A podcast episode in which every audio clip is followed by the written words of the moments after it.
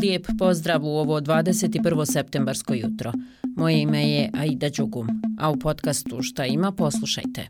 One, two, three, Danas u Sarajevu dvije sjednice predstavničkog doma državnog parlamenta. Jedna redovna i jedna hitna. Na redovnoj će između ostalog poslanici razmatrati prijedlog zakona o vanjskim poslovima, a poslije redovne trebalo bi da bude održana hitna sjednica o sigurnosti povratnika u BiH. Grupa poslanika zatražila je da predstavnički dom razmatra učestale napade na povratnike na teritoriji Republike Srpske, te da pronađu načine da ih zaštite. Od ostalih dnevnih događaja izdvajam preskonferenciju udruženja Baby Steps koji se bori za zaustavljanje korupcije u porodilištima. Golam je to problem jer u njihovom izvještaju navodi se da je oko 50% porodilja u Bosni i Hercegovini dalo novac ili poklon u porodilištu prije ili nakon poroda.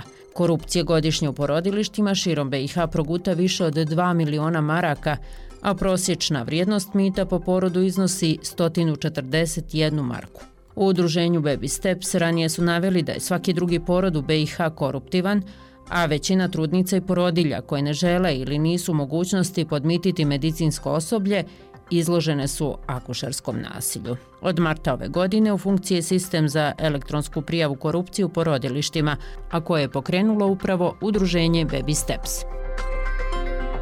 A u kantonalnom sudu u Sarajevu zakazano je ročište na kojem će se troje ljekara optuženi za smrt dvojpogodišnje Džene Gadžun iz Kaknja izjasniti o krivici. Optužnica je podignuta protiv Suada Rožajca koji se tereti za nesavjesno liječenje, dok se doktorice Nina Jovanović i Jasmina Halimić terete za zloupotrebu položaja. Džena Gadžun preminula je u novembru 2021. tri dana nakon što je zbog korekcije spuštenog očnog kapka operisana u privatnoj ordinaciji u Sarajevu. Operativni zahvat izveden je pod totalnom anestezijom. Djevojčica je pala u komu i povezena je u klinički centar univerziteta u Sarajevu, gdje je preminula.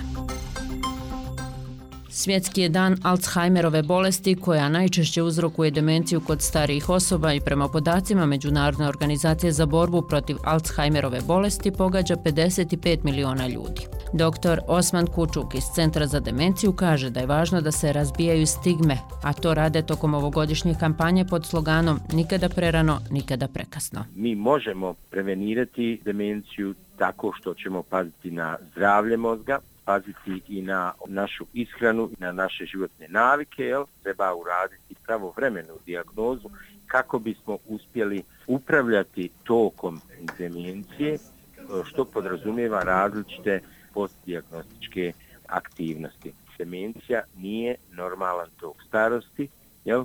da je to bolest i da se kao prema svakoj bolesti, tako i prema bolesti koja nosi demenciju treba odnositi. Danas se obilježava Svjetski dan mira. Ujedinjene nacije su ga uspostavile 1981. kao dan posvećen obilježavanju i jačanju mira među svim nacijama i narodima. Ove godine obilježavanje se održava u okviru teme kojom se poziva na priznanje naše individualne, ali i kolektivne odgovornosti za podsticanje mira. Četvrt stoljeća od kada je završio rat u Bosni i Hercegovini, Leila je u podcastu Zaviri ispod površine pitala kakav je to mir kojeg žive državljani Bosne i Hercegovine, ali i regiona. Da li je to neki čudan, frustrirajući mir? Evo šta je odgovorila mirovna aktivistica Amra Panđo.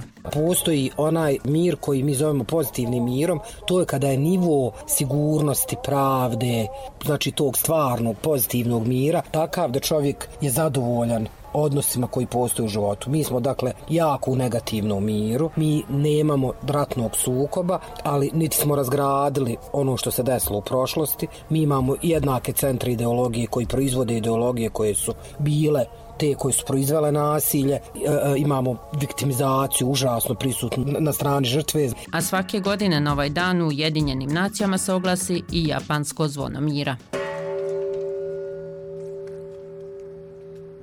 Zvono je poklonjeno UN-u 1954. a na njemu stoji osam japanskih znakova koji kažu živio apsolutni mir u svijetu. Osim danas, zvono zvoni još i prvog dana proljeća u čast dana planete Zemlje. Eto i meni je zvono zazvonilo, naravno da sviram kraj. Lela je sutra sa vama, a ja vas pozdravljam do neke nove epizode podcasta Šta ima?